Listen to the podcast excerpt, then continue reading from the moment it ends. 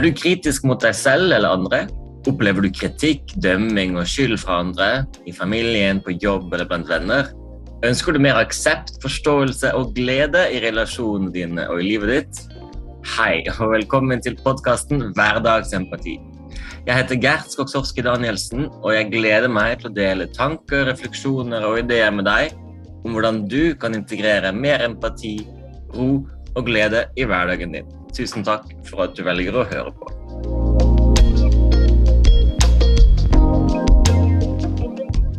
Hei og velkommen til denne fjerde episoden i podkasten Hverdagsempati. Denne podden har jeg kalt 'Vil du ha rett, eller vil du være lykkelig'?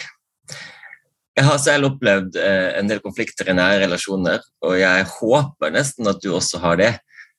Fordi dette med konflikter betyr faktisk bare at vi er veldig opptatt av relasjonen, vi er veldig opptatt av forholdet vårt til den andre personen, og vi vil gjerne uttrykke det. Det betyr så utrolig mye for oss, og det er jo derfor vi gjerne blir både følsomme, sårbare og av og til irriterte eller triste. Jeg har noen eksempler med mannen min.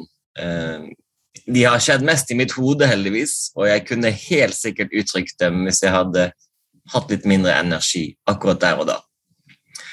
Jeg kunne f.eks. sagt til han du gikk bare ut med hund fire ganger, fire ganger denne uken, du og han kan svare Nei, jeg gikk ut fem. Nei, jeg gikk ut seks. Jeg kunne også for eksempel fortalt han du kan ikke sette tallerkenene inn i oppvaskmaskinen på den måten der. Da blir de ikke rene.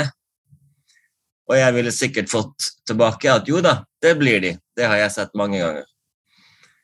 Eller en favoritt eh, som, eh, som, som, også kunne vært uttrykt eh, ganske ofte.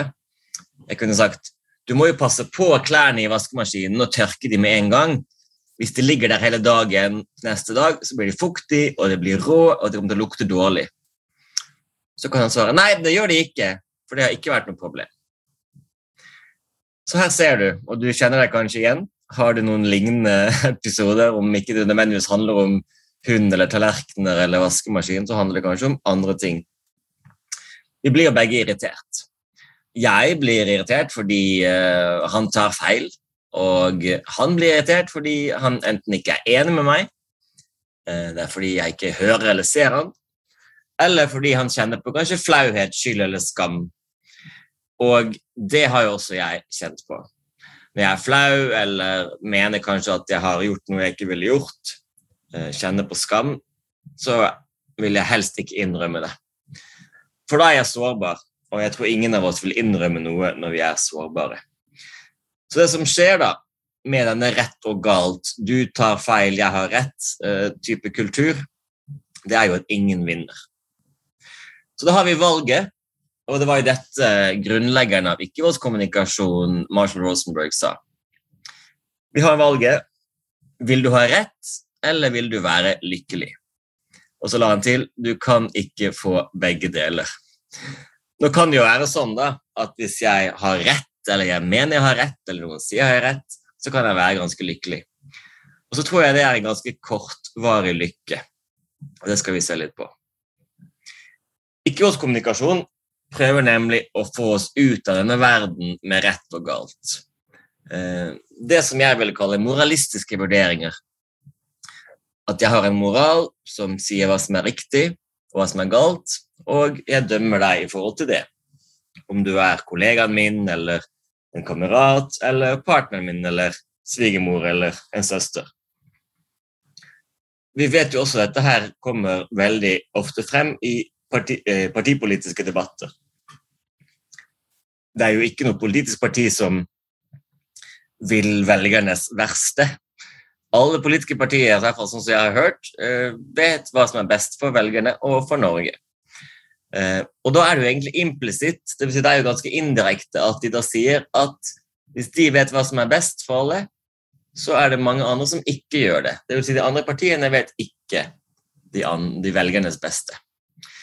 For det er det som er utfordringen her med denne rett og gal-tenkningen, hvor noen har rett og noen tar feil.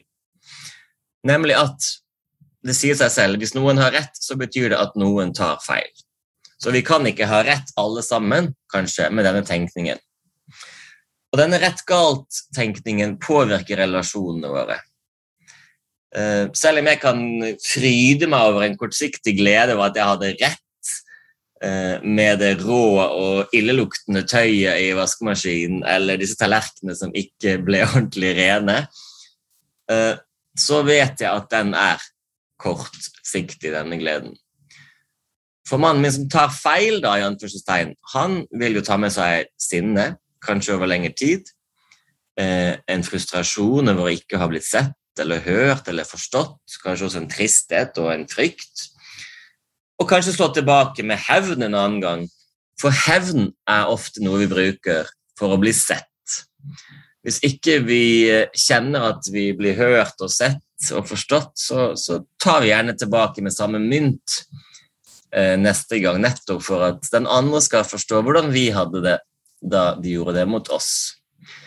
Så her handler det litt om å velge kampene sine. Pick your fights, som det heter på, på godt norsk. Og da er det ikke så veldig viktig for meg om uh, tallerkenen ikke er 100% ren. Jeg vil heller bevare relasjonen min. Det er ikke så utrolig farlig om han gikk ut med hunden fire eller fem ganger. Uh, det er enda viktigere for meg å beholde og styrke relasjonen min. Nå betyr ikke dette at vi ikke skal si ifra når noe er ubehagelig eller det er noe vi ikke liker. Eh, og det er viktig for meg. Jeg vil alltid si fra, og jeg vil alltid eh, uttrykke meg når jeg syns noe er vanskelig ubehagelig, eller det er noe jeg ikke liker. F.eks. i parforholdet, eller på jobben, eller med familien. Men det å si fra når noe er ubehagelig, eller noe jeg ikke liker, er noe helt annet enn å si at jeg har rett, som da indirekte betyr at den andre tar feil. Så når jeg tenker over det som jeg ikke liker og syns er ubehagelig, så snakker jeg om det vi kaller verdivurderinger i ikke-voldskommunikasjon. Og dette er behovsbasert. Det er de tingene som jeg setter pris på i livet mitt. Det er det som faktisk vil gi meg noe i livet mitt, kanskje møte mine behov. Og det er ikke en moralistisk vurdering som rett og slett vil si at jeg vet hva som er riktig, og eh, det du gjør, er galt. Så her handler det om å snakke ut ifra meg og mine egne følelser og behov. Eh, noe som mange kaller jeg-språket. Jeg snakker ikke om hva som er rett eller riktig, jeg snakker om hva som er behagelig og ubehagelig for meg, hva jeg liker og ikke liker, og hva jeg vil sette pris på. Denne uken har jeg bl.a. sett at det har vært en debatt mellom miljøaktivister og oljeplattformarbeidere. Og i disse tider med klimaendringer så er jo det en ganske heftig debatt. Um, og det har ofte vært fokus på hvem har rett, hvem tar feil, og at ikke man kommer til noen løsninger fordi man står veldig steilt opp mot den andre gruppen. Og I denne uken har det vært litt mer snakk om at man kan lytte til hverandre. Lytte til behovene den andre har. Eh, både miljøaktivistene og disse oljearbeiderne trenger trygghet. Trygghet for sine familier og for seg selv. De ønsker kanskje også litt økonomisk forutsigbarhet. Eh, de ønsker kanskje noe meningsfullt å gå til eh, i arbeidet sitt eller livet sitt.